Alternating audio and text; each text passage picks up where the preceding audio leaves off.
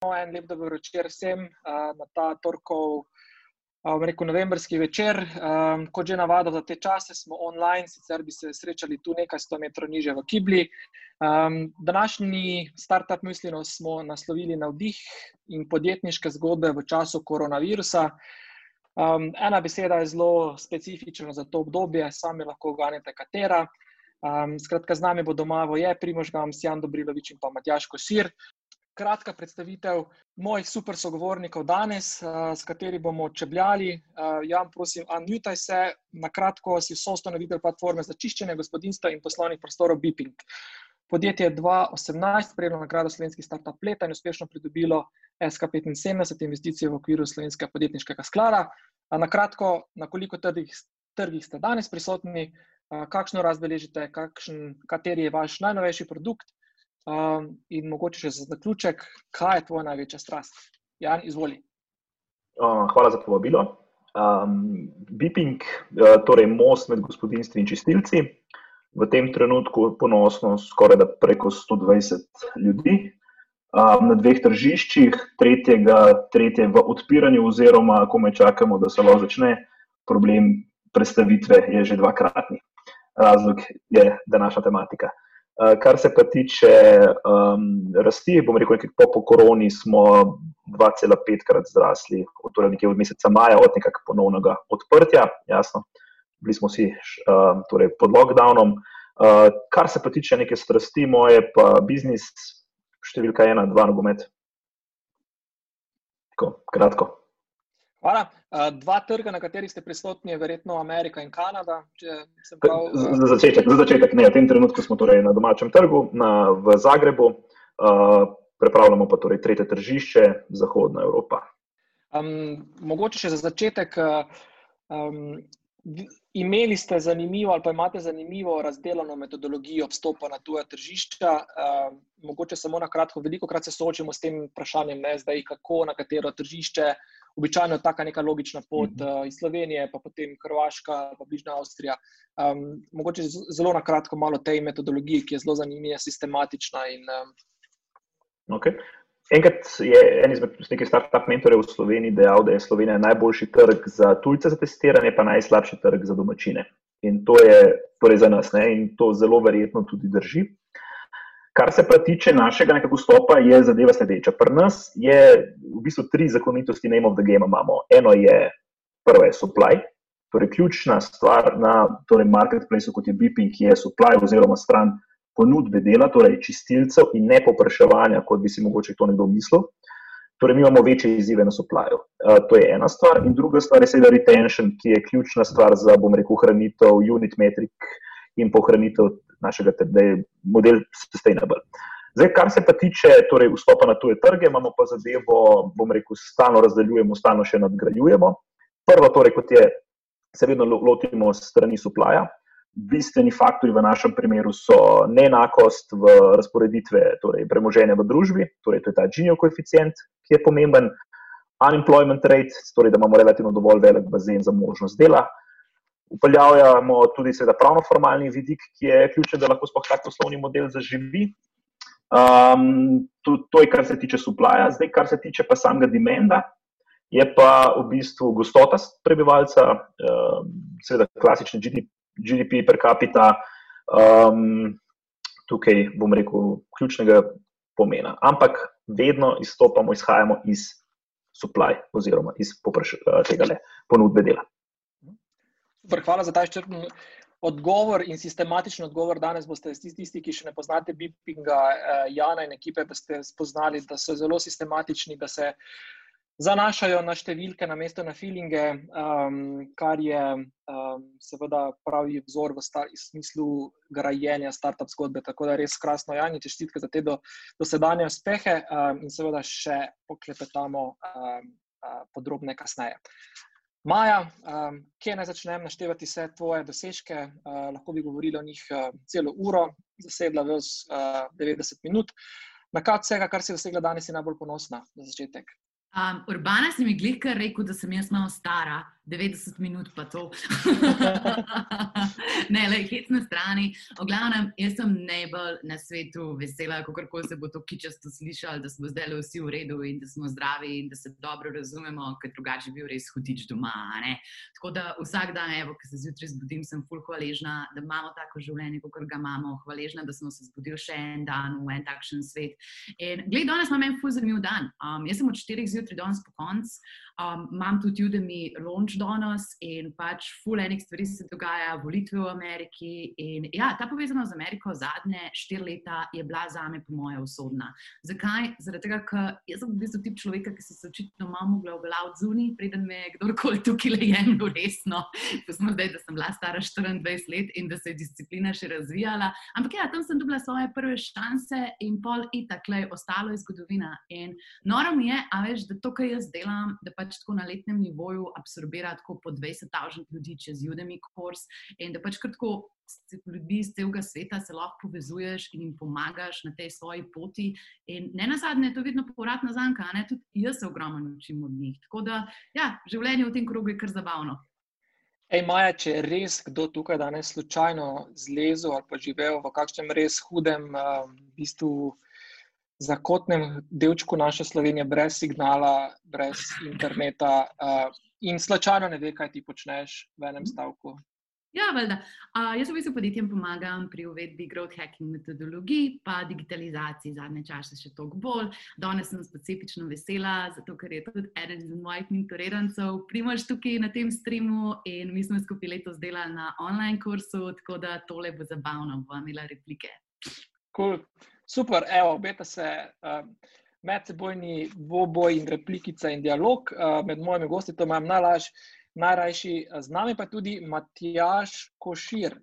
Um, Matjaš ni morda tipični podjetnik, kot so Jan, Maja uh, uh, in, pa, in pa Primoš, ampak je Matjaš uh, psihoterapeut. Uh, ni pa seveda z, brez razloga današnji gost, uh, ker se nam namreč tudi ukvarja in pomaga številnim podjetnikom. Um, Matjaš, um, kako dobro poskrbeti za začetek, uh, nekako kot podjetnik za svoje duševno zdravje, en taki hiter na svet iz, iz, roka, iz rokava? Ja, pozdravljeni. Uh, kako poskrbeti za svoje zdravje? Ja, predvsem se mi zdi, da je pomembno to, da, uh, tako kot velikokrat rečemo, pa velikokrat se sliši, ostanemo nekako pozitivni, predvsem pa poskrbeti za to, da znamo na nek prav način uh, se sprostiti, da uh, ne gledamo vseh stvari preveč iz nekega negativnega zornega kota, ker nas to potem pelje v zelo slabo počutje, pa veliko stresa. Ne. Ena stvar, ki jo zelo veliko uh, poudarjamo, pa ki jo poudarjam tudi s podjetji, kot vsemi, ki delamo. Je ta, da poskušamo biti, zdaj se vedno več govori o tem, čuječni, skratka, mindfulness, da se znamo postaviti na tukaj in zdaj, da vemo, kaj se z nami dogaja, da vemo, kaj se ne na zadnje z našim podjetjem dogaja, in takrat potem lahko ostanemo, uh, seveda, uh, zdravi. Pa ena stvar, ki je tudi pomembna, pa veliko gibanja, pa iti tudi ven v naravo, pa si vzeti čas zase. Brez tega ne bomo ostali zdravi, pa uh, dobro delali. To bi bilo tako zelo na hitro. Mogoče imate še eno, eno vprašanje, omenil si ta čuječnost, mindfulness, ja. ne, ki je nekako. Saj jaz opažam, da je nekako spon doživelo ta tematika, ali pa je v eter prišla v zadnjih dveh letih. Eh, kje se je to prej skrivalo in zakaj je ta čuječnost, prisotnost, eh, biti tukaj in zdaj z mislimi in telesom šele tako, ali pa šele v zadnjem času nekako prišla v, v eter, v naš svet? Ja, ta čuječnost se je skrivala zelo dolg čas v jogi, pa v vzhodnjaških teh pristopih potem so jo pa počasi začeli, ko sem se začel s temi stvarmi ukvarjati, že nekaj 15 let nazaj smo začeli, mi, ki se s terapijo ukvarjamo, pa uh, z delom z ljudmi, uh, vedno bolj uh, poudarjati to. In pa seveda tudi živeti po teh načelih. In ko začneš in se naučiš biti čuječen, potem res ugotoviš, da je to velika sprememba v tvojem uh, življenju in pa sploh pogledih, ki jih lahko imaš. Ne. Je pa seveda tako, kot velja vedno, ne počasi prodirajo stvari in ko Eh, se spomnim nazaj, ko sem govoril o čuječnosti, o mindfulnessu, so vsi tako gledali s takimi velikimi očmi, zdaj pa skoraj na vsakem vogalu govorijo o čuječnosti. Tako da kdaj imam že občutek, da se skoraj preveč ponavljam, ampak mislim, da, da je kar prav, da na tak način uh, prezentiramo, pa govorimo o čuječnosti. Mogoče ima čas eno vprašanje. Veliko se ukvarjaš tudi z podjetniki, predvsem tudi start-up podjetniki. So to neka posebna vrsta živali ali to, so to v bistvu psi, ljudje, ki imajo samo specifične izzive? No, jaz ne bi rekel, da so posebna vrsta živali, ne? ampak so, to so ljudje, ki imajo ideje, ki, so, ki imajo mogoče uh, zelo razvit ta svobo, tega svobodnega otroka, ki zna uh, uh, najti neke nove stvari, ki je ustvarjalen. Uh, in pa seveda, ki so dovolj samozavestni uh, in verjamejo vase, da grejo po tej poti, in pa seveda, da so ustrajni. Ne. To se mi zdi, da je tisto, kar je zelo značilno za njih. Ne. In pa mogoče ena stvar, uh, vemo, da je ta podjetniška pot težka, in pa mogoče ima več teh podjetnikov, bi lahko rekli, eh, ta, ta drive, gonilo, bi strong, bodi močan, zato da uh, grejo čez vse te stvari, da premagajo in da jih mogoče vsaka stvar ne, ne zaustavi in pa ne, ne podre. Da, uh -huh. Super. Uh, hvala, Matjaž, za ta vod. Primož uh, s tvojo ženo Jano uh, imata kar močen ta drive, glede na to, da boste kmalo pihnili na tretjo svečko vajnega novostanovenega podjetja Dogs for Motion, ki pomaga lastnikom športnih in delovnih psov pri fizični pripravi njihovih pasih atletov kot preventivo pred poškodbami. Uh, na koliko, enako kot za Jana, vprašanje, na koliko trgih ste prisotni, kakšno razbeležite um, in kateri je vaš najnovejši produkt. Nekaj pa nam je že nagajivo izdala Maja. Primoš, kje si? Ja, tukaj sem. Zraven mene je tudi ena, uh, ki poslušalci na podkastu, kasneje ne boste videli, ampak uh, mi dela družbo Psička Žini. Uh, res je, konc meseca bo tri leta, odkar smo odprli Doctor Motion. Prav tako pa bo te dni tudi dve leti od uradnega odprtja našega centra za veterinarsko rehabilitacijo in hidroterapijo tu na ravnah na Koroškem. Kar se tiče fizioterapevtskega dela s psi, se pravi po raznih ortopedskih, nevroloških operacijah, poškodbah mehkih tkiv, kroničnih, degenerativnih stanjih, smo omejeni na ta, to lokacijo. Se pravi, k nam hodijo lastniki psov iz Avstrije, Italije, Hrvaške, Slovenije. Uh, kar pa se tiče našega, našega online dela, uh, tu pa smo tako rekoč prisotni globalno, se pravi na vseh celinah. Uh, včasih se rad malo pohecam, da nimamo še kakšnega kupca z Antarktike, ampak tako pač je. Uh, kar se tiče prihodkovno, uh, imamo letos 65-odstotno rast, glede na leto 2019, uh, smo pa konec julija launčali en novi online program, kjer nam je Maja tudi veliko pomagala. Ok, glede na to, da ste tako skrivnostni, bomo kasneje o tem očitno še več izvedeli. Um, mogoče uh, primo še to, kaj je poleg uh, štirinožnih kosmatincev še tvoja strast. Ja, gorsko kolesarjenje, prav gotovo. Ja. Odlično, downhill ali, ali, ali uphill, kaj raje? Se spuščaš ali, ali grizeš na ukreber? V bistvu začel sem s cross country, potem sem šel na enduro, zdaj pa rajš na vzdolj, na vzgor. Okay. Super. Najmanj enega kolesarskega navdušenca imam, ki mu se zdaj sigurno srce poskočilo, je še tukaj med nami. Ne bom povedal njegovega imena, ampak gotovo se bo še kaj oglasil. Super, evo, a, začenjamo z debato. In premaknemo se na prvi sklop vprašanj, skratka, vpliv pomladanskega kroga krize na podjetja. Um, tukaj najprej začnemo z vama, uh, Primoš in Jan. Če se vrnemo nekaj časa, nekaj mesecev nazaj, natančno v marec. Uh, korona kriza nas je vse precej presenetila, uh, marsikateri podjetnik je na prvo žogo utrpnil, še na to iskal rešitve. Um, in v krizi poiskal svojo priložnost. Kako sta vidva kot, osebna, kot osebno, uh, kot podjetnika doživljala to situacijo, začetek in kakšna je bila prva reakcija, ko sta potem splavala iz vode? Skratka, kako sta doživljala ta, ta marec, uh, um, če ga malo podoživita z nami, in kakšna je bila prva reakcija, potem, ko sta splavala iz vode? Ker uh, primoš, ko že imaš sklopljen mikrofon, izvoli pa potem Jan. Čisti iskreno, uh, meni je bil osebno lockdown najprej eno olajšanje. V smislu, da se nisem več rabo osredotočiti na to, to, to, to, to in to, ampak samo še na dve, tri stvari. Jaz mislim, da večina ve, kaj mislim s tem. Se pravi, en velik del uh, dnevnih zaposlitev je odpadel in smo se lahko osredotočili na eno stvar, pa se malo spočili. Uh, v bistvu smo imeli fizično zaprt center 46 dni in uh, ta čas smo vsi v ekipi usmerili v stvari, ki smo jih tudi vlekli od zadaj. Uh, sem se pa osebno tudi zelo veliko izobraževal. Se pravi, kar se pa tiče na poslovnem uh, delu, smo pa imeli nadaljevanje prvega tečaja online in v tistem času, ko smo uh, zvedeli za lockdown, smo hitro uh, dali ven še en začetni tečaj, ki sicer ni bil planiran, ampak smo vseeno hitro skočili in ga dali ven.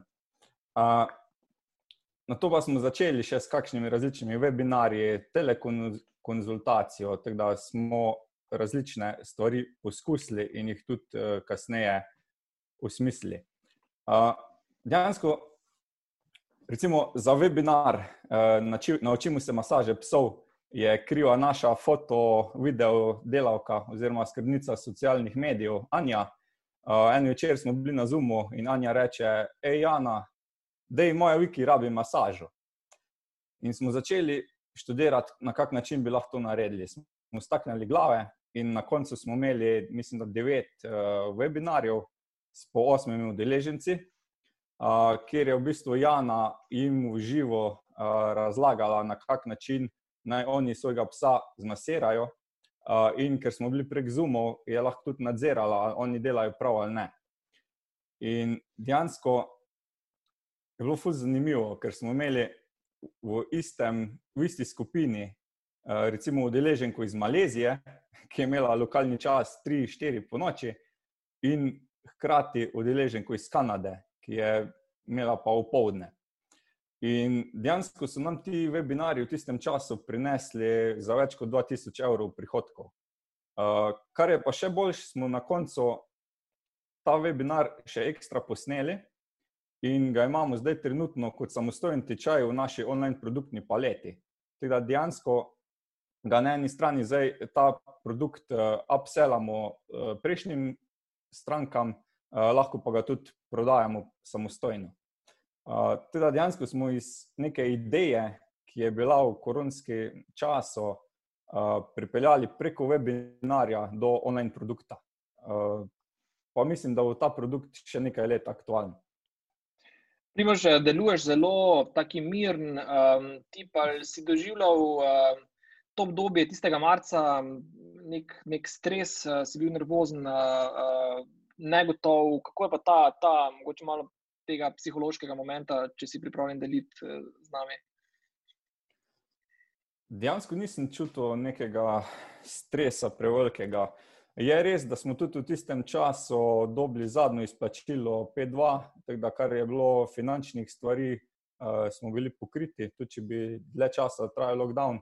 Uh, tako da smo se lahko mirno pripravili na naslednje izzive.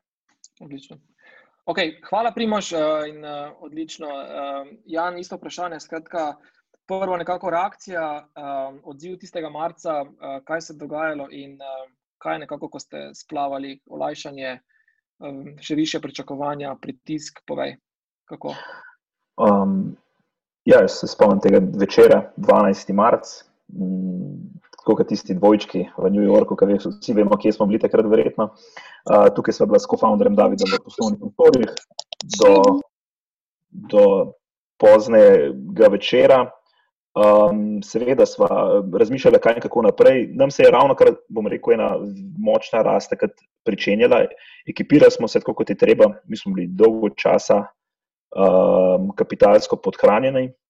Uh, tako da nekje v bistvu konec leta se je začela pri nas res akcija na polno. Potem pa seveda fantastičen februar, pridemo do tega marca, mi smo imeli nekje rezultat februarja že narejen v prvih petih dneh marca. Um, potem seveda lockdown in razmišljanje, kaj in kako naprej. Ne, zelo hitro, torej odgovornost do ljudi, seveda na terenu, ne, ker ni lahko, ko imaš ti relativno posledno ali pa pos, pač neposredno odvisnih sto ljudi, zato da pač, rekel, lahko dodatno dobro zaslužijo. Um, potem seveda zaposleni. Ne, mi smo ravno takrat tudi na novo, relativno na novo zaposlovali. Um, in vse to se ti pač poraja, ne, kam se boš vrnil, na kakšen, na kakšen na kakšno raven. Tako da, seveda, potem, torej, mi smo proaktivno sami zaustavili zadevo, še pred samim odlokom, tako da smo v bistvu relativno odgovorno delovali, glede na tisti čas. Um, potem pa se zelo hitro začne, bom rekel, menedžiranje zadeve, seveda. Pač prvič se seznaniš z vsemi novostmi, ne, torej od dela od doma, uh, bom rekel, iskanja torej, fiksnih stroškov in tako dalje. Skratka, da dejansko zadevo pripraviš uh, da je v hitri formi, tako da se zelo velika, prehitro se, ker je ena školka, se hitro se zapreš in se potem v bistvu pripravlja za to, da se lahko hitro odpreš naprej. Um, veliko smo delali na ekipi, kot je rekel tudi Primo, že predhodno, torej marsikaj popuca za nazaj, kar je bilo seveda na, strano, na stran dano. Tako da tukaj smo uspeli neke velike projekte prepraviti, Beeping Business je tudi ena izmed teh zadev. Uh, in pa ja, uspeli na nekaj, pa sploh najbolj bistveno to, da smo uspeli, bom rekel, zmanjžirati firmo, uh, da je delovala kot urca, dva meseca, pripravila v zadju en dober project management uh, in pa v bistvu uspeli prepraviti produkt v manj kot 24 urah za trg. Uh, to je ta razkoževanje, ki je bilo takrat, če se spomnite, relativno famozno. To, da smo v bistvu imeli en super, super trening ekipe, kako narediti to, v bistvu od spletne strani, eh, marketinškega spleta do produkta, eh, onboardinga naših čistilcev, kaj na kakšen način nabave robe, takrat je bil to kar Texas. Skratka, v bistvu vse na ključu, skoraj da ne v enem dnevu. No. Tako da smo potem bili pripravljeni za na trg. Um, in pa v bistvu razmišljali samo za naprej, torej, da bomo pripravljeni, ko zadeva se za stor dvigne, da bomo v najboljši možni formi in to se nam v bistvu pozna. Ne, da je potem, ko je sedela seveda šla v akcijo, zato smo res sprintali zdaj do, do, do, do zdaj, v bistvu sprintamo normalno in v bistvu uh, skoraj da več kot dva in polkrat povečali poslovanje vsek, glede na to, kar smo štartali. Um, Jan Primoš je omenil, da je imel uh, v tistem času izplačeno zadnjo tranšo 5-2 in da bi tudi zaradi tega malo bolj miren, kar se tiče pač, um, uh, denarnega toka. Kaj pa pri vas?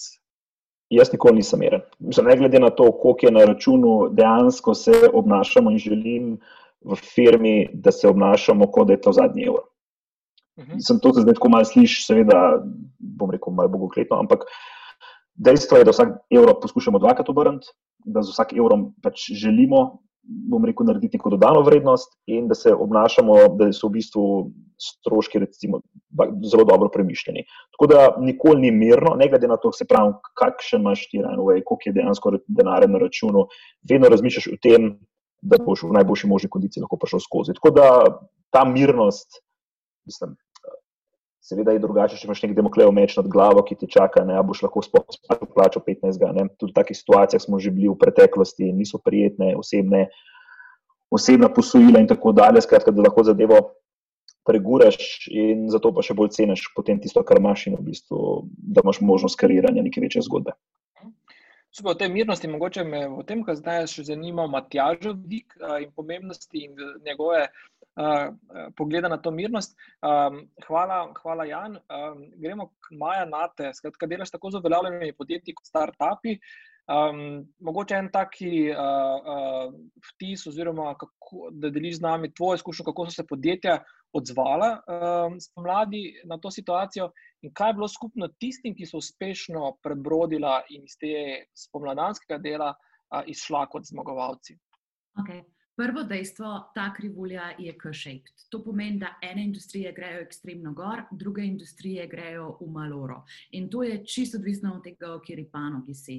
In kaj sem jaz videla, tako pač na mojih podjetjih, na podjetjih, s katerimi jaz delam, oni so imeli po 500-procentne mesečne rasti, tisti, ki so bili na zgornjem nivoju K-krivulje, mislimo fitness opremo za doma, mislimo, kar kakšen koli se tiče stvari, ki so za kompjutersko moč, se pravi, ki jih ensajo naprave, potem so bile pač tako online kursi, so podivjali, meni se je na Udemiju praktično za desetkrat povečal promet v času prvega vala in to je bilo pač res tako noro, noro, noro, tam se ti je lahko zamlomil sam to, da nisi imel zaloge, ker oskrbovalna veriga se ti je takrat ustavila in pač tako logistika je bila mes in tam je bilo več vrnenih naročil in je bila pač za te ljudi sladka težava, logistika, če bojo sploh dobili to krobe, da bi jo lahko prodali. Zdaj se moramo pogovarjati o ljudeh, ki so pa bili na dol padajoči deli krivulje. To so pa B2B podjetja, 60% slovenskega GDP-ja se ustvari v predelovalni industriji. Če nemška avtomobilistična industrija crkne, če se tam karkoli v logistiki zaplete, imamo mi ogromne, ogromne, ogromne težave kot narod. In včasih mi je prav smešno, ker se na novinarskih konferencah pogovarjajo stvari v smislu, a bojo italijani lahko kupovali meso v Sloveniji, a bomo lahko šli v kazino, ne vem pa ne reče, a bojo fabrike odprte, a bojo tako pač ljudje preživeli, te, ki delajo iz industrije. In ena taka stvar, ki smo v tem ful mogli delati, je prodaja nadaljavo.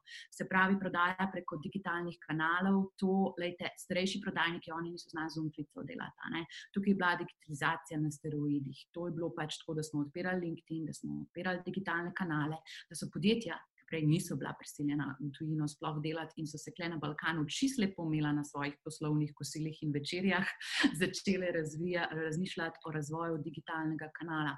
Kaj sem pa videla na ljudeh, kot vodijo jih, sta pa dva ekstrema. Kleno v Sloveniji bi rada pohvalila tri podjetja, s katerimi sem takrat delala, plus primoža, ki ga skozi hvala, mi je pač amazing. Ampak ja, tri je taki iz vidika vodenja, ki so mi ful ostalo v srcu, so Dileps, uh, se pravi, tam je Katarina Pirš, zdaj Prme in Jaka Levste, ki so naredili genialno tranzicijo. Tam so tako poskrbeli za psihološko varnost zaposlenih in kljub temu, a veš, da so imeli tiste ukrepe, kot so čakanje, pa take zadeve, tam se je ogromen, ogromen, ogromen delal na tem. Drug primer, ki je bil neverjeten, je bil EKVB. Pač to je podjetje, ki jaz ne vem, kako bo naredilo letos, ampak vsekakor bo rekordno leto, bo zelo rekordno leto. Um, tako da ja, tam so v bistvu bližji doma mal prej preden se je začel totalen lockdown, in tam so ogromno, ogromno, ogromno zaposlovali zaradi širitve in so v nulo sterali onboarding nadaljavo in to, da so se ti novi zaposleni pač počutili dobro in da so bile v redu. Kaj me je pa najbolj presunalo pri ljudeh, pa je, koliko smo mi takrat znali skupaj, stopiti skupaj.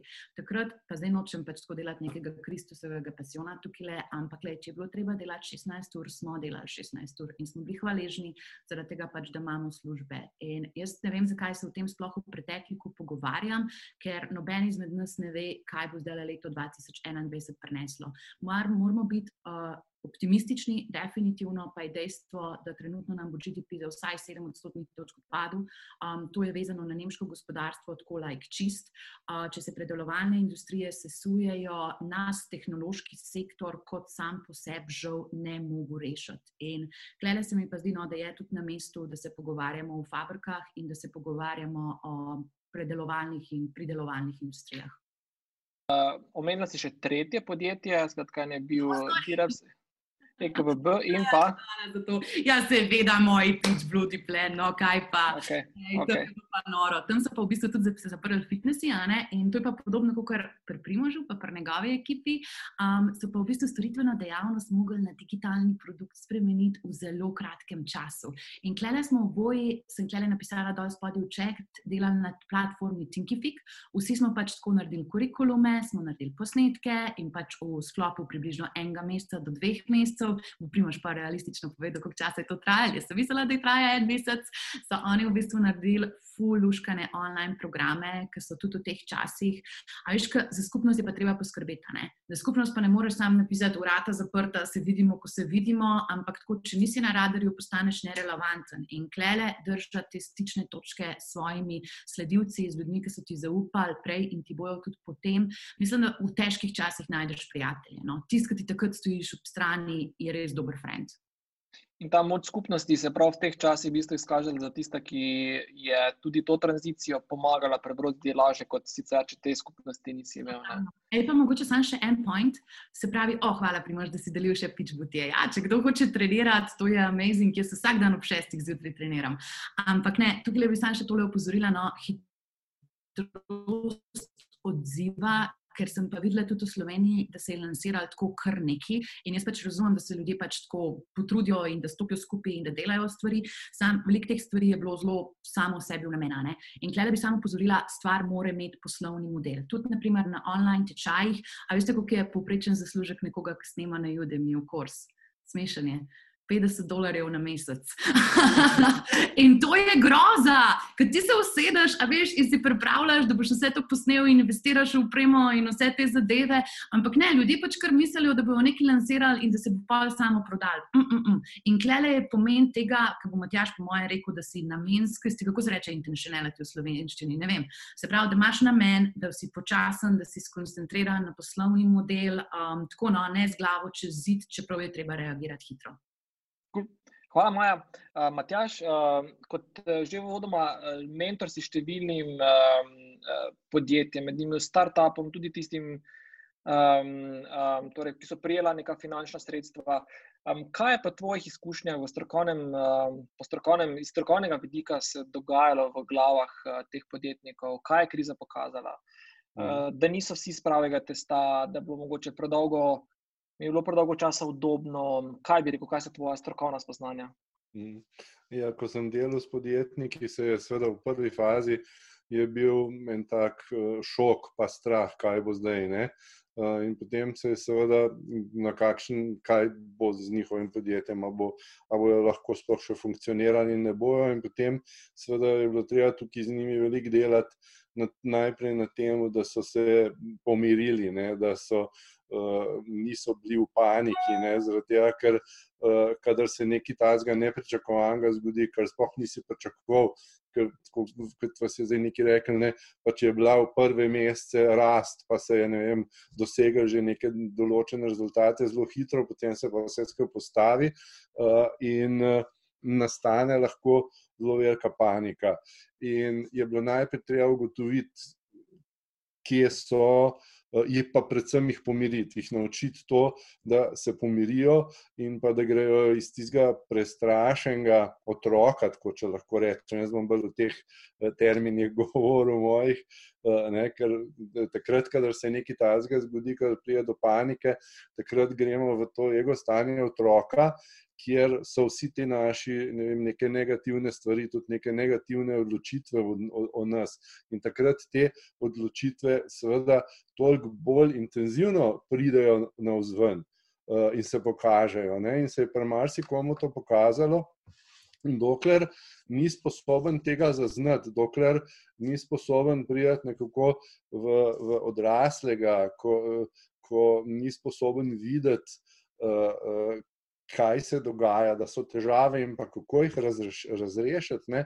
Eh, do takrat, seveda, eh, je v takem stanju, ko uh, težko kaj naredijo, ko težko se zberejo in napredujejo. Ko pa smo jih uspeli umiriti in ko so prišli v to ego stanje odraslega, ker to ego stanje odraslega je zelo pomembno, da ga uporabljamo takrat, ko nastopijo težave zato da uh, se je treba nekaj ustvarjalnosti, pa sproščenosti, pa vsega, uh, in v tem odraslem potem lahko najdemo rešitve.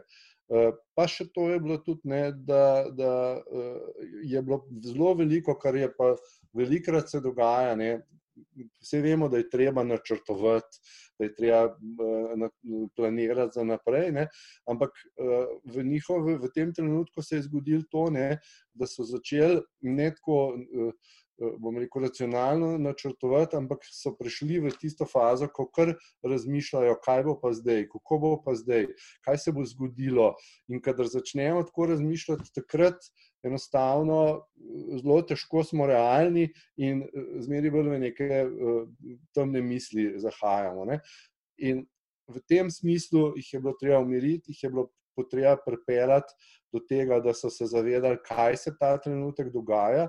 In v tistem trenutku, ko so se tega zavedli, takrat so potem začeli ugotavljati, pa, kakšne so vse možnosti, kaj lahko naredijo. Eh, in v bistvu se je pokazalo, ne, da se je marsikajšno eh, podjetje od teh ali pa tudi v drugih, ne, da je potem v končni fazi, ko so se zbrali za nekaj let, naprej skočilo eh, tudi v uporabi te moderne tehnologije in vsega, ker prej sploh o tem niso razmišljali. Ne.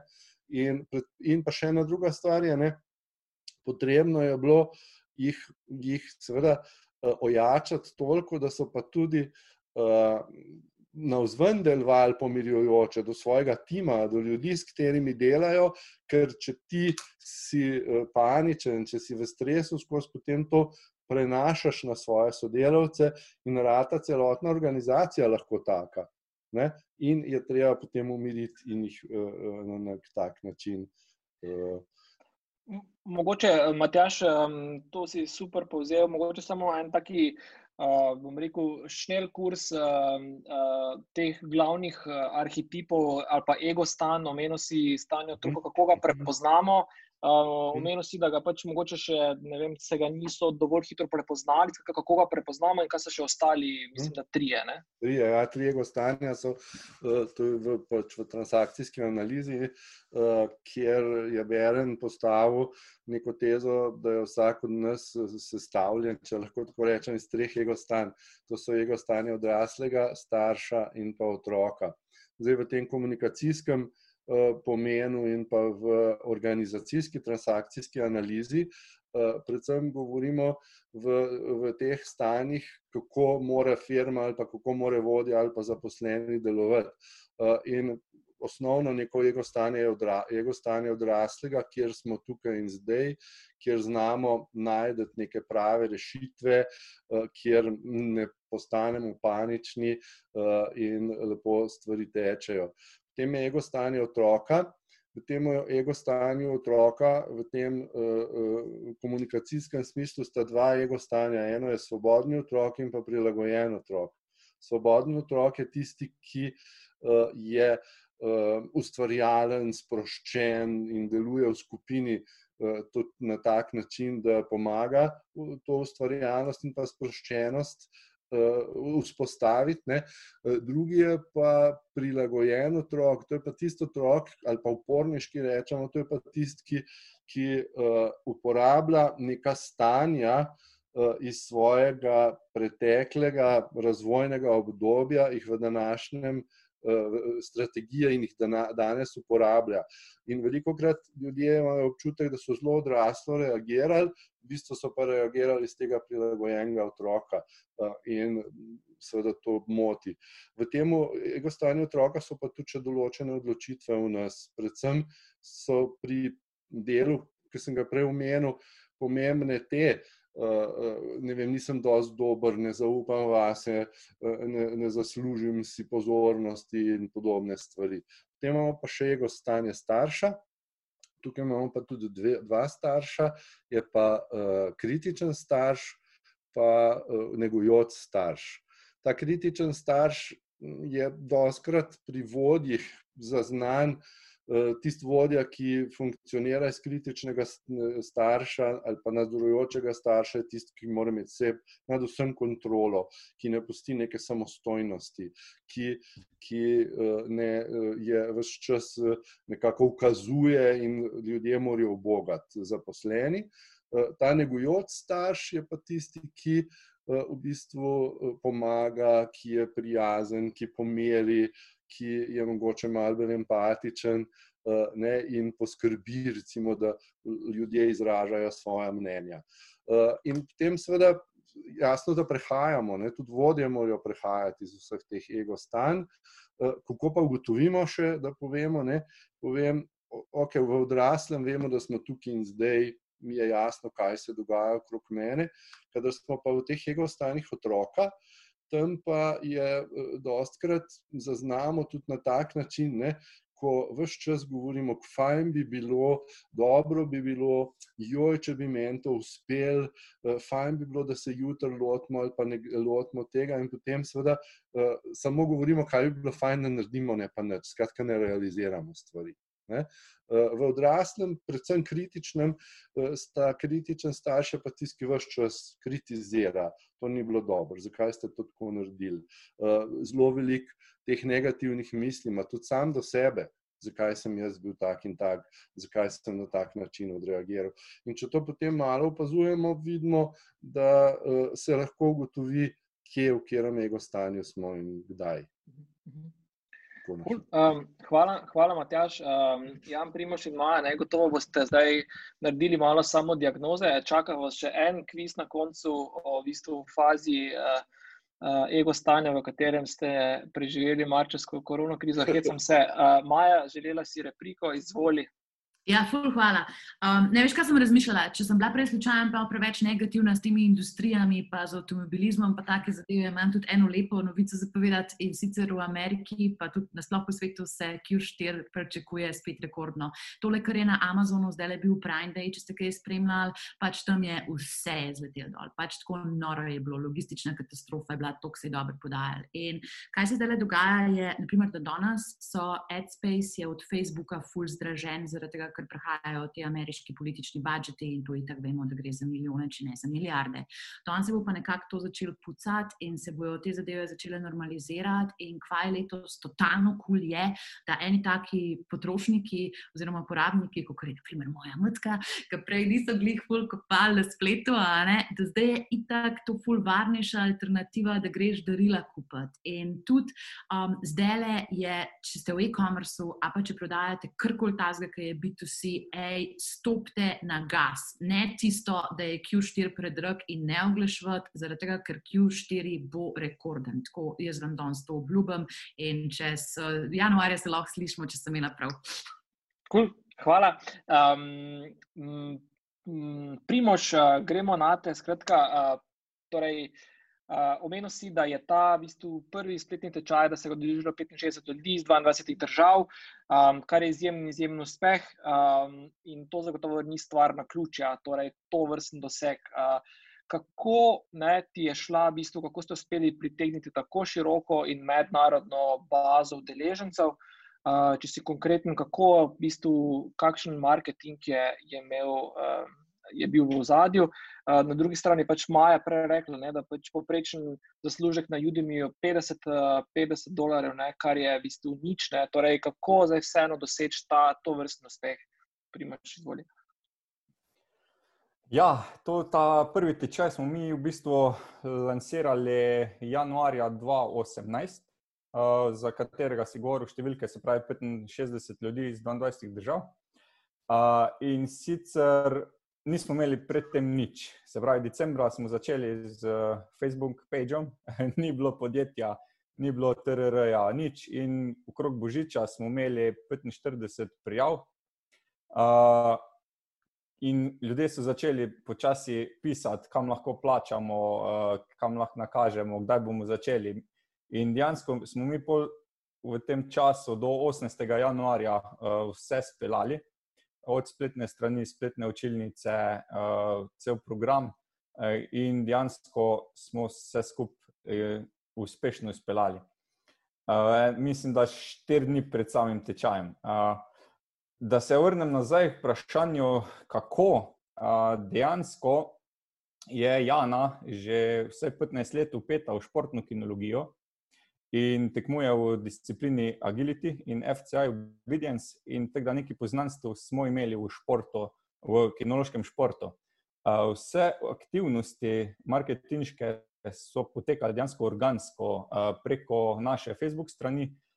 In zelo veliko smo objavljali v interesne, v interesne skupine.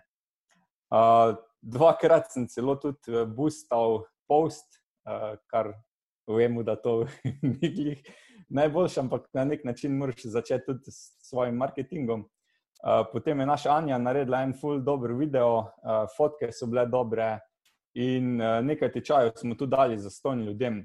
Se pravi, smo uporabili nekaj influencerjev In to je recimo tudi ena taka štorija. Uh, smo dali tečaj eni avstrijski tekmovalki, uh, večkratni svetovni prvakinji, in je ona potem to tudi delila, da bo zdaj to delala.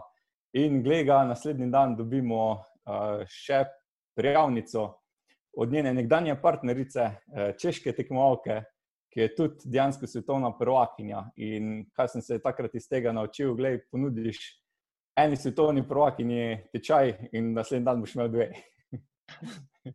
Uh, pa še vedno dobro sodelujemo, tudi obe imamo v našem afiliate programu, zdaj za ta uh, naš ta zadnji kles. Uh, da, to je ena taka stvar. Uh, nismo pa takrat res nič testirali, uh, nič dobivali feedbacka strani uh, same skupnosti, ampak smo vse delali organsko. Uh, tako da ni bilo glih načrtovano vse skupaj. Hey, Primoš, anketo boš že povedal, ali boš pa povedal? O čem? Anketo. Uh, to je bilo pa zdaj v tem uh, tečaju, ko smo naredili. Do tega pa še pridemo, kaj? Ja. Mogoče samo še zdaj ta razlika torej od tistega prvega poskusa, ki je bil, ni bil nekako super sistematičen, do tega verjetno zdaj to počnete drugače. Tudi um, predpostavljam zaradi tega, ker uh, ima Maja, nek, Maja nekaj prstov vmes. Uh, mogoče kako se zdaj tega lotevate uh, in kako um, torej, uh, zdaj dosegate tako dobre rezultate. Ja, z Majo smo začeli sodelovati. Uh prav marca oziroma aprila pri tej prvi koroni. Uh, in sicer smo nekako težili k temu, ker predtem smo imeli v bistvu online storitev. Se pravi, vsakdo, ki se je udeležil tečaja, uh, je tudi dobil naš feedback. In iz tam smo se v bistvu naučili, da je bolj dati nek self-study program, se pravi, se lahko ljudje sami učijo, hkrati pa jim ponuditi za svoj feedback za dodatno plačilo. In dejansko to smo zdaj naredili v tem obdobju. Uh, in če smo začeli sodelovati m, aprila, konec julija, smo lansirali ta naš prvi online produkt. Uh, in tu je pa bilo malo bolj uh, po regiljcih, bi rekel, po domače, se pravi, od načrta, ki smo se ga držali. Hvala, um, hvala Primoš. Maja, ti si bila, uh, kot, kot je omenil Primož, sodelujete pri tem online kursih, sodelujete pri, pri rasti.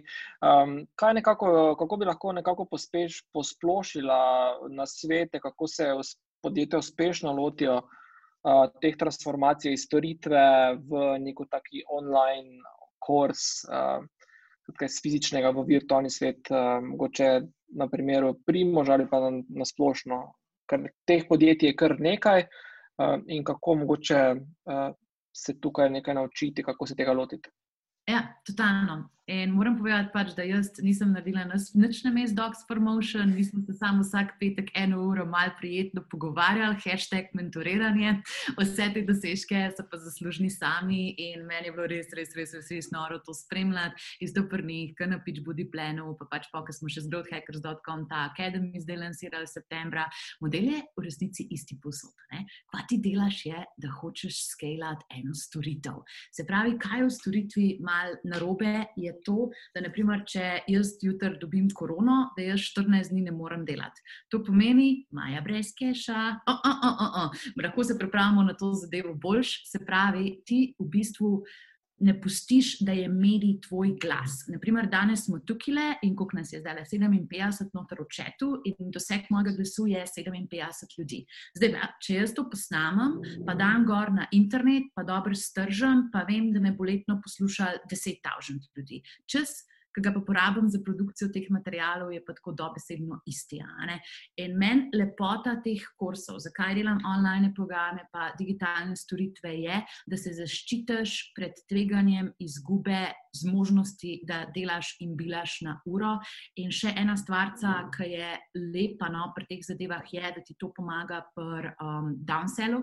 Se pravi, če si ne morejo prvočiti tvojega konzultinga, naprimer, in lahko prodaš nek cenejši tečaj. Druga stvar pa na geografskem geografskem dosegu, se pravi, kot je Primoš razlagal, če ne more priti v ambulanto Gorko Majo na Koroškem, lahko Avstralko poservisira tam na, zdaj ne avstralski šeprt Primoš, ampak stranko iz Avstralije, lahko pa pač tako monetizira v obliki online tečaja. Ker resnici tem strankam mi dodajamo vrednost z našimi osebinami, z našimi nasveti in zakaj bi se zaklenili z vidika poslovnega modela, da jim ne bi bili zmožni tudi nečesa prodati. In proces, po katerem delamo, je v bistvu zelo enostaven in z vsemi popolnoma isti. Na začetku naredimo raziskavo trga. V primaženem primeru, um, primažete moč, če delim cifre, cifre za anketo. Ne, lahko deliš, ni problema. Hvala. Um, smo naredili vprašalnik v Typeformu, oni so imeli že prej eno tako lušno skupnost in so se pogovarjali z njimi ogromno, ampak smo naredili vprašalnik, znotraj katerega smo zajemali interes, na kakšni ravni so oni in kaj jih najbolj zanima. In tukaj je primarž z ekipo zbral 600 odgovorov, ki smo jih mi analizirali in na podlagi tega naredili ene inpute za kurikulum. Se pravi, prva faza je customer research. Druga faza, ki je zelo pomembna, je ideacija kurikuluma. Tukaj imamo par for. Zakaj? Jaz pač ne odemlju, a veste, ko gledam te grafe, koliko časa so ljudje zmožni držati pozornost, um, deset minut. Nobenega videa ne smeš narediti delk deset minut, ker drugače ti odpadejo, ej, to je korecesijska krivulja. In pač par takih trikcev je, kako producirati vsebine, video vsebine, ki so primerne za online kurse. Um, potem, ko imam jaz v bistvu ta kurikulum na narejen, ga zelo hitro spet testiram s kakšno ciljno skupino.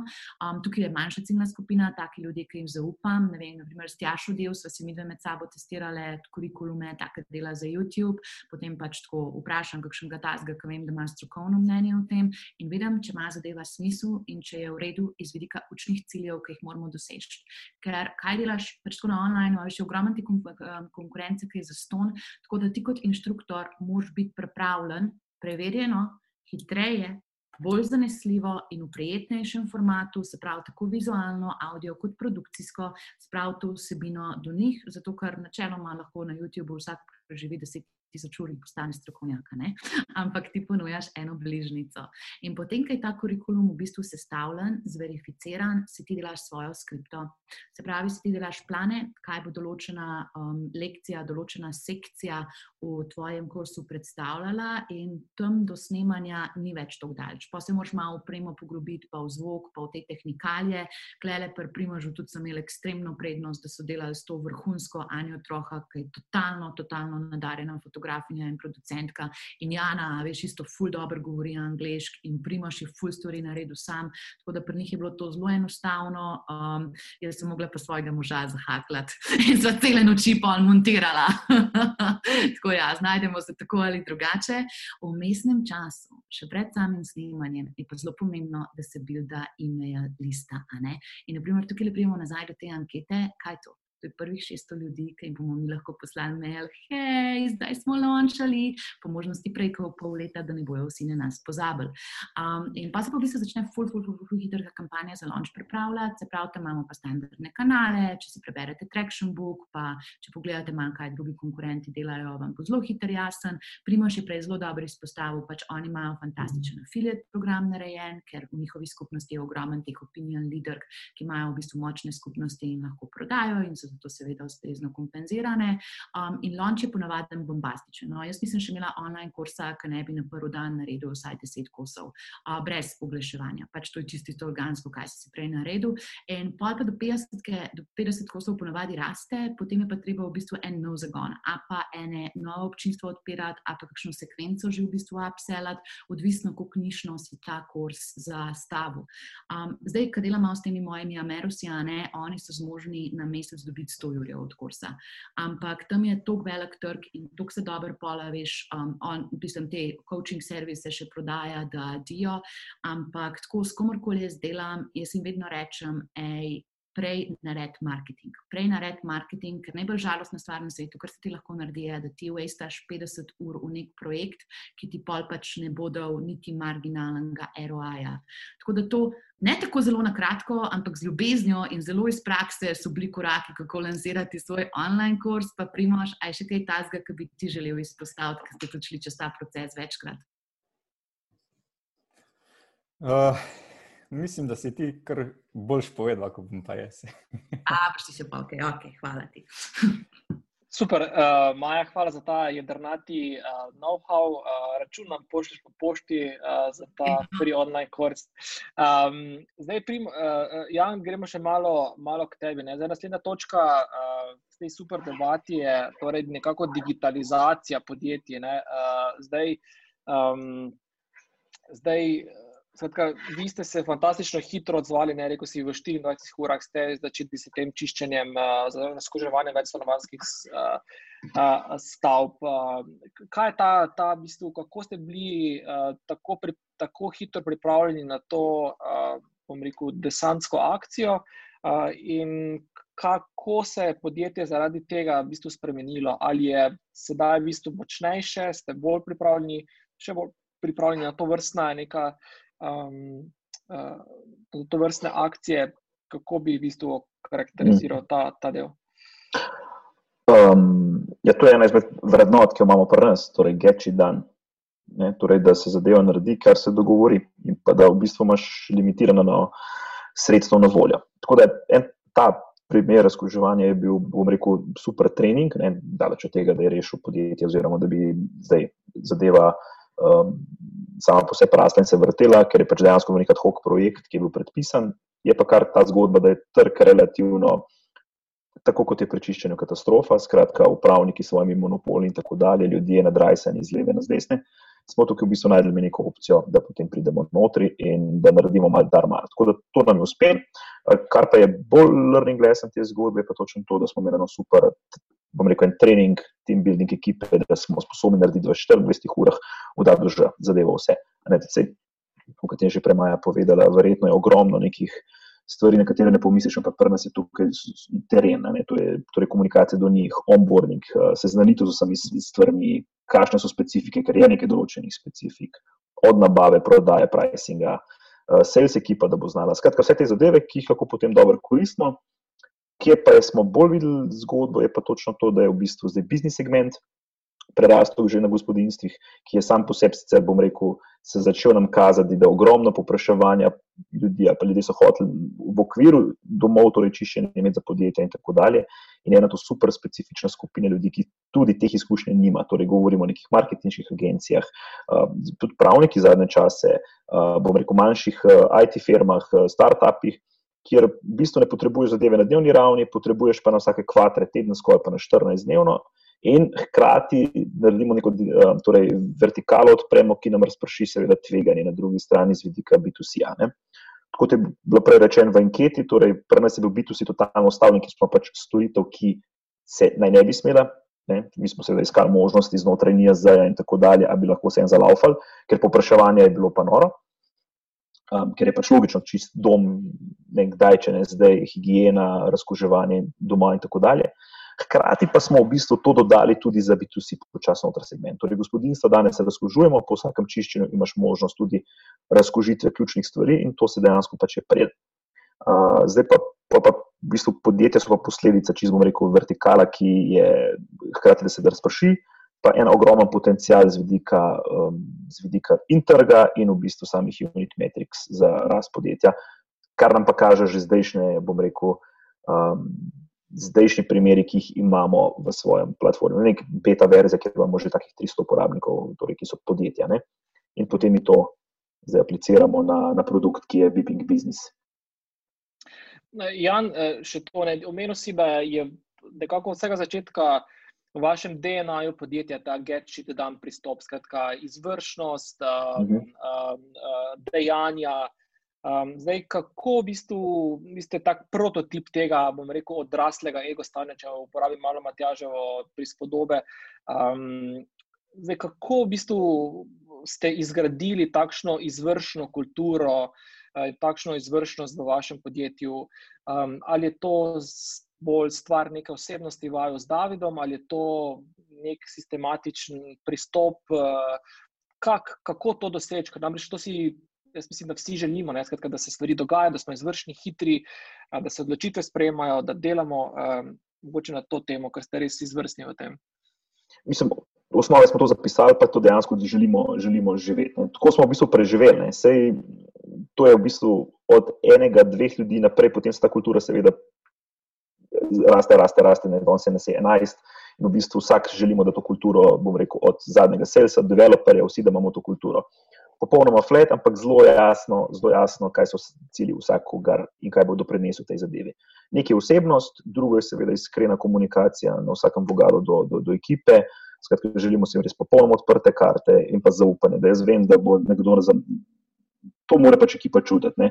Hkrati pa, ja, torej ta startup duh, duh eksperimentiranja, ta, to, kar tudi imajo končni zagovarjali glede growth hackinga, ampak hkrati pa želimo delovati kot firma. Ne? To, da so neke ustaljene reglice, da so tle, eh, bom rekel, in zapisi in jasno določene časovnice, kdo, kaj, zakaj. Skratka, tukaj pa pač ne popuščamo. Jaz osebno ne dojemam startupa kot nek, ali pa David, ne kot nek samo brainstorming, kjer se fajn imamo, kjer se gugamo, kjer smo na travici in v bistvu. Um, ne, to je neka slika zunanje percepcije, full, full oster, dejansko, torej tempo, uh, rast, seveda pritisk, da se tudi to čuti, ne, da se pre, tudi prenaša ne samo na founderje, ampak tudi na ostale dol, da so ljudje nagrajeni, da imajo pač neke povratne informacije, kako je.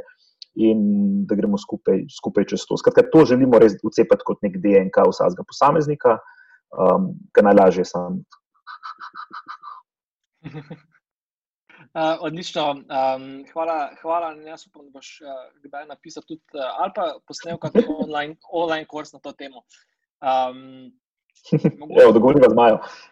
Cool. Uh, gremo naprej, skratka, 15 minut nam še ostalo na, tudi, na, na tej debati, imamo pa še točno tri področja, ki jih moramo vse se dotakniti. Uh, naslednji je v bistvu primer dobrih praks digitalizacije podjetij. Maja, tukaj te vabim, da se nam pridružiš nazaj v debati. Um, skratka, govorimo, omenja si že, v bistvu, da so tista druga podjetja na drugi strani te krivulje, v bistvu, ki niso tako odnesla dobro kot vse ta online športni tečaj in tako naprej. Uh, in mogoče eno vprašanje je tukaj zate. zate. Skratka, uh, ogromno delaš tudi teh digitalnih strategij, digitalne transformacije. Um, kaj so po tvojih izkušnjah najbolj, ali pa en primer najbolj iznajdljivega podjetja, ki svojo tradicionalno dejavnost uh, uspel zapakirati, digitalno transformirati? Skratka, pomisli na najbolj konzervativen, tradicionalen biznis, ki si ga transformirala in neko lekcijo iz, uh, iz njega, ki, ki bi jo lahko tudi ostali potegnili. Joj, kakšen intelektualni orek si mi zdaj dal. Ne, jaz sem se v bistvu zelo najdla o tem, um, kaj je Jan prej govoril. Mislim, meni storitveni biznisi so najlepši za opisovati, zato ker si jih vsi predstavljamo. Ker smo kot potrošniki ful navajeni teh storitvenih biznisov in pač tako veš, to, kar smo se prej pogovarjali, preden smo začeli snemati, koliko smo zdaj ljudje anksiozni, da bi nekoga spustili v stanovanje. A pa koliko smo ljudje anksiozni, da bi šli se v trgovino posvetovati, kje bo moja nova kuhalna plošča plošča, ki jo pač moram jaz zamenjati. In klele se mi zdi, da je prišel do ogromno enih takih mikroinovacij v smislu um, customer journey.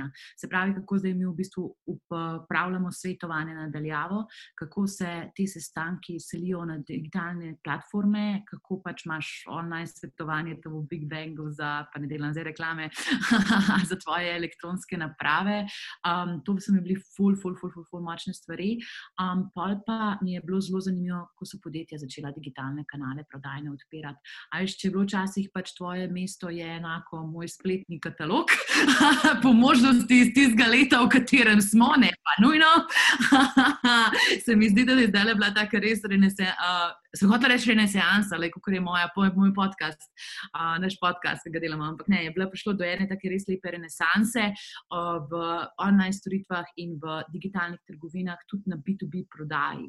Zdaj, ne da mi zmislimo, da bomo dali ne vem, nekega proizvajalca šraufov, ki ima 40 tavžant identičnih matic gor in evo, izvoli, prijatelj, znajdi se, najdi tvojo optimalno velikost, tukaj le imaš, ampak tako ful, ful, ful, ful, ful se dogaja na področju uporabniške izkušnje in tem, da v bistvu tem novim uporabnikom interneta, pa ne tradicionalnim uporabnikom interneta, pomagamo inovirati. In to je genau to, kaj prej Jan razlagal, pač tako trenutno je glavnina inovacij na tem, da si odpreš možnost digitalnega spletnega kanala in da pomagaš kupcem uspešno navigirati čez njega, ker se je zdele pač res, ej, naši starši, naši stari starši, vse na internetu.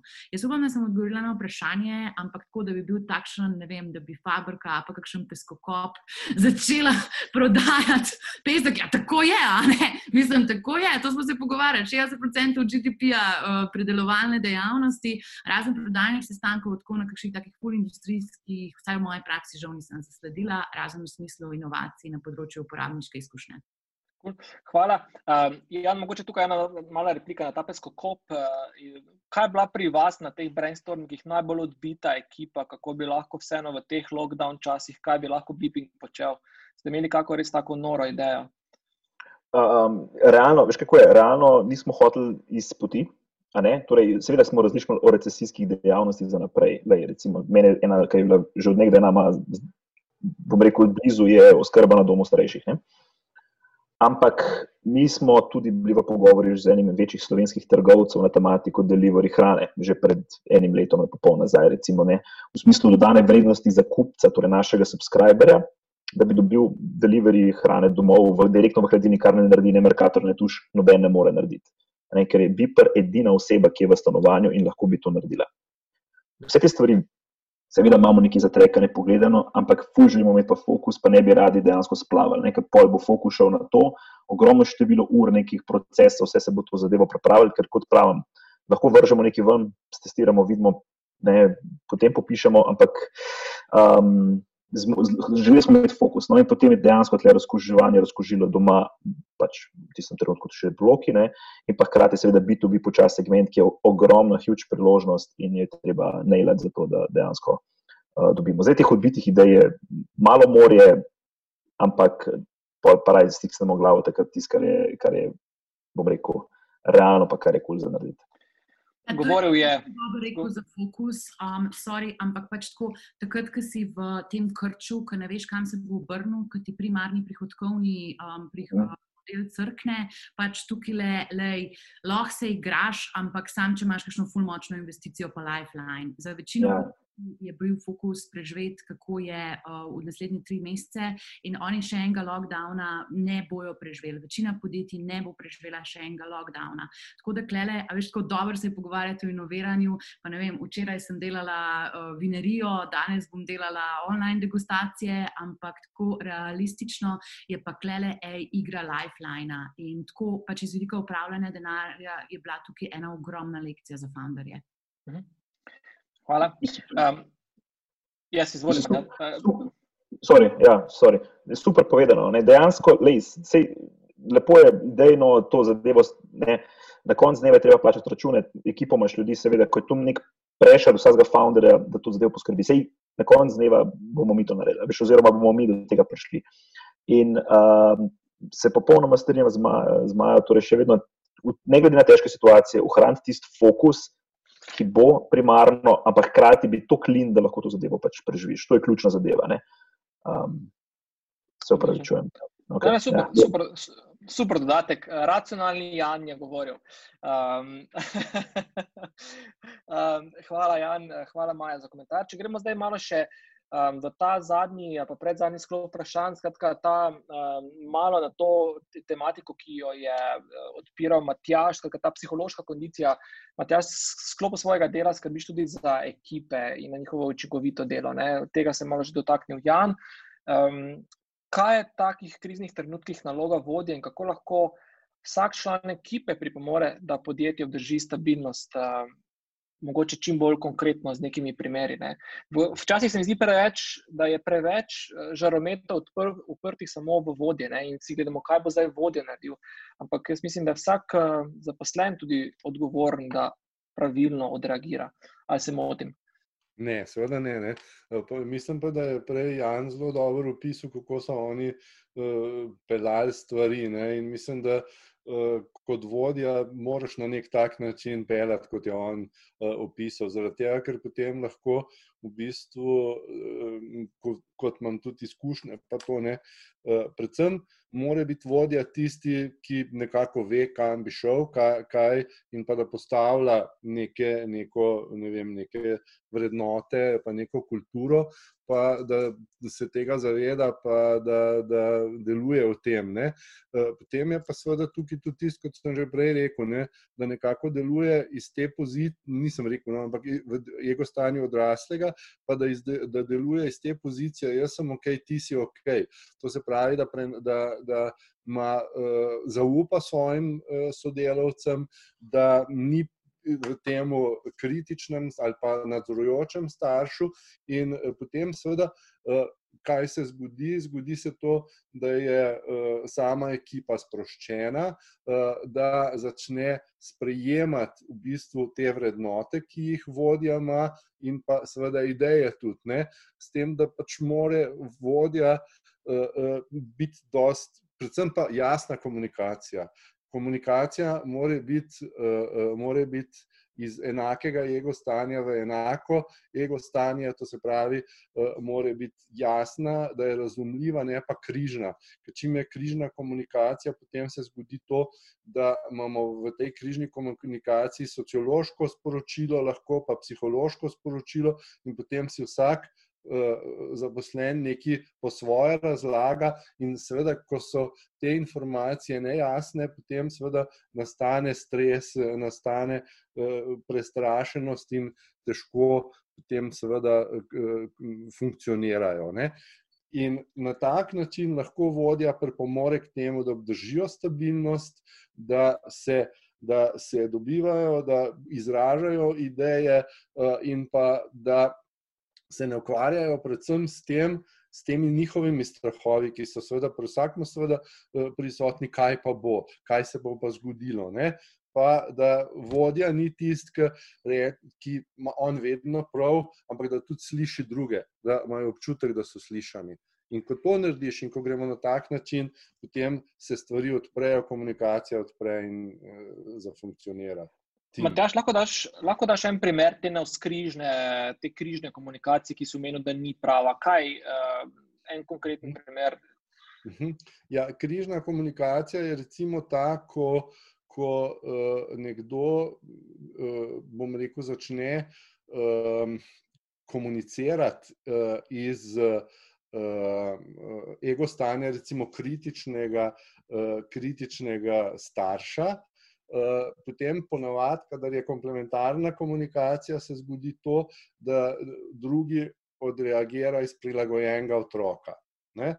Če pa ni ta prava komunikacija, če je taka, kot sem rekel, pa, uh, pridemo pa do tega, da v tej komunikaciji drugi odreagira iz drugega jego stanja. To se pravi, da nekdo iz odraslega odreagira uh, Eh, in drugi odreagira iz ego stanja otroka. Zaradi tega, ker je takrat uh, dobil uh, neko sporočilo, ki ga je psihološko sporočilo, ki je recimo bilo videno.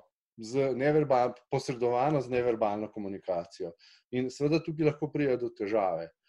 In potem nekdo na robe razume, in seveda je, je lahko pride do, do, seveda, do uh, konfliktov. In tega ne želimo. Uh, zato pa mora biti ta komunikacija jasna uh, in uh, to, to na tak način nekako ugotovimo. To.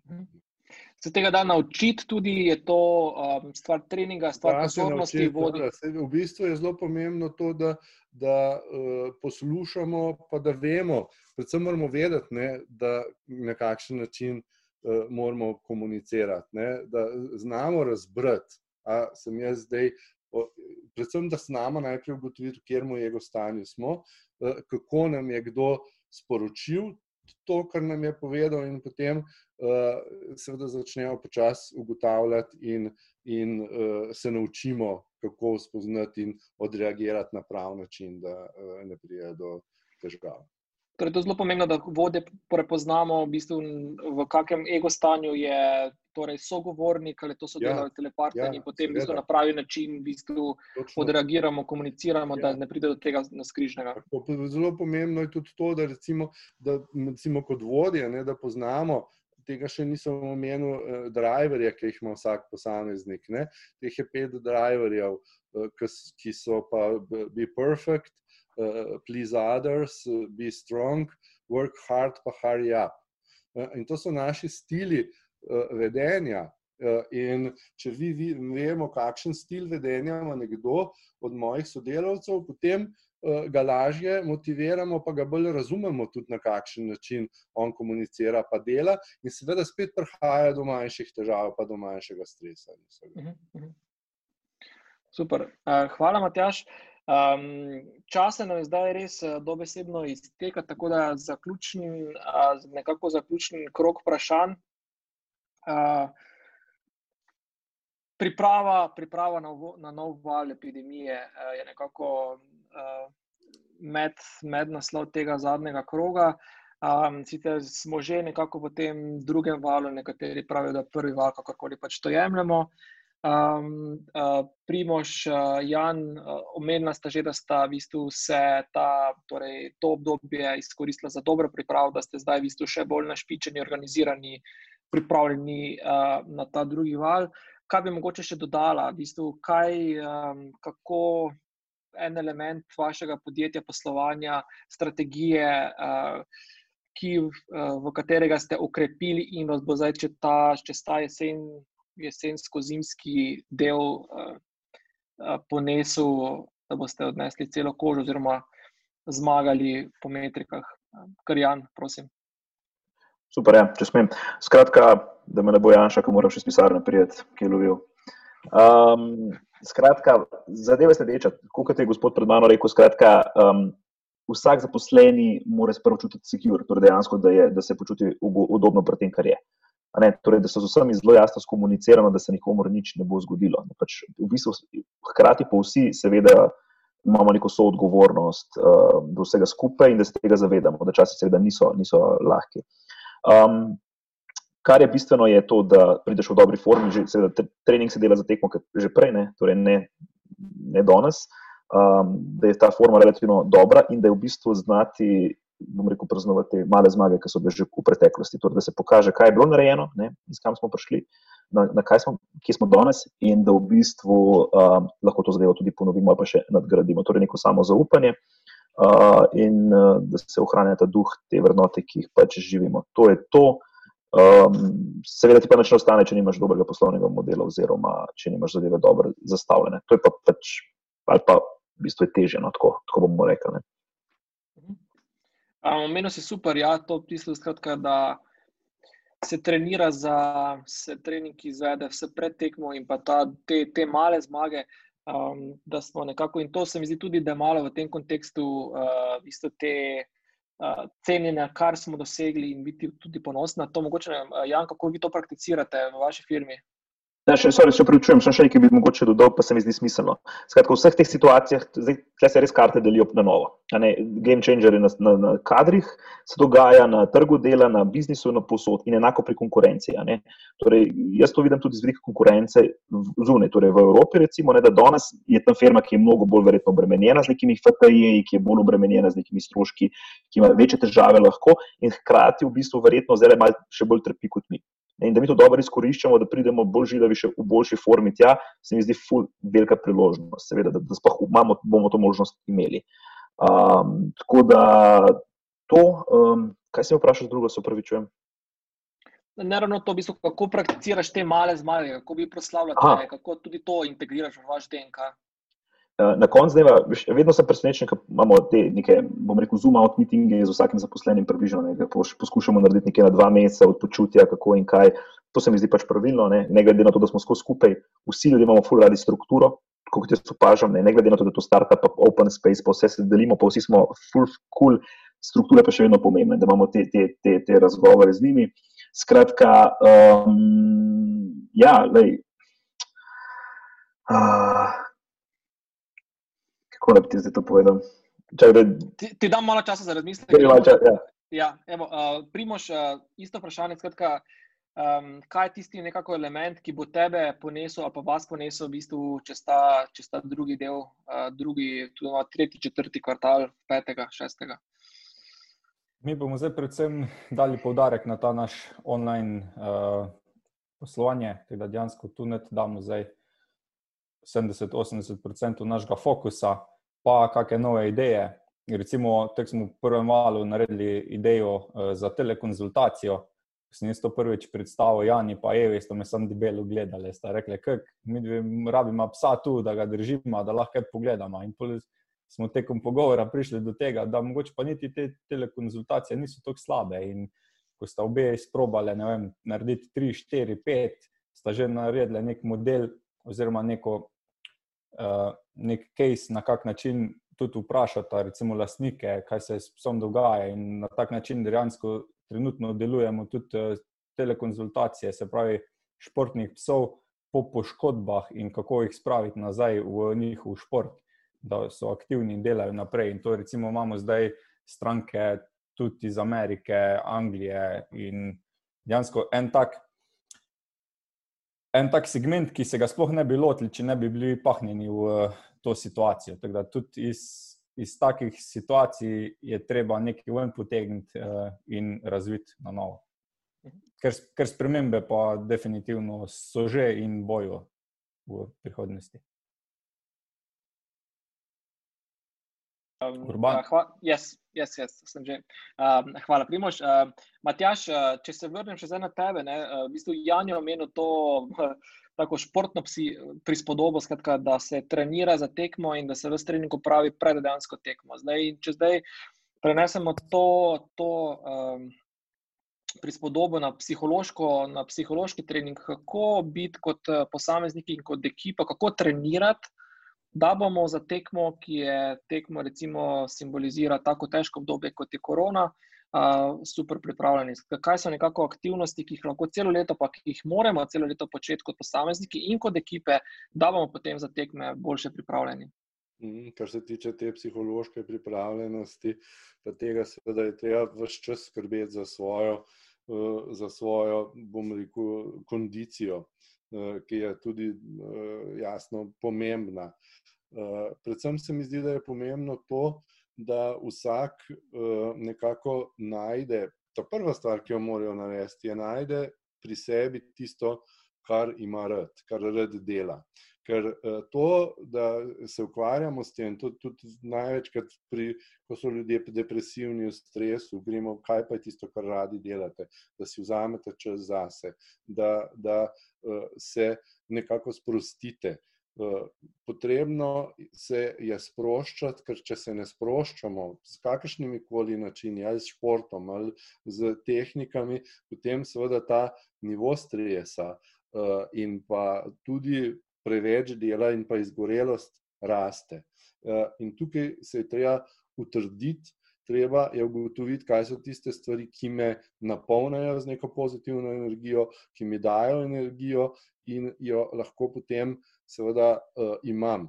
In kot vodja, ne, uh, da bo njegov tim uh, pa uh, zaposleni dobro funkcionirali, uh, mora biti on tisti, ki bo ta prvi pozitiven, pa ki bo imel dobro psihološko kondicijo, ker če je ne bo imel, potem je tudi ostali ne bojo dobili in je ne more prenesti. Vse vemo, vodenje z vzorom in podobne stvari, uh, ampak moraš biti ti tisti, ki si močen in to naprej. Zato, ker tudi eh, če ima ljudje, imajo seveda velikrat tudi privatne težave in vse, in je treba tudi tukaj, potem mogoče mora kdaj vodja prisluhniti pa pomagati. In če je on dost močen, potem uh, bojo premagali stvari in bojo v kondiciji, da ko nekaj slabega pride, grejo lahko čez to in jih preveč ne pahnejo v neko negativo. Mislim, da je to zelo pomembno.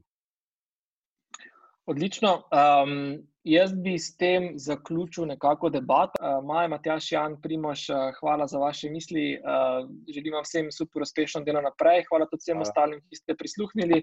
Pripričan sem, da smo marsikaj zanimivega, um, novega odnesli do današnje debate in da bomo um, tudi za nasveti naših super gostov um, še boljše pripravljeni. Želim vam uh, lep preostanek večera, ostanite zdravi, dobri psihološki in fizični kondiciji, in se vidimo k malu.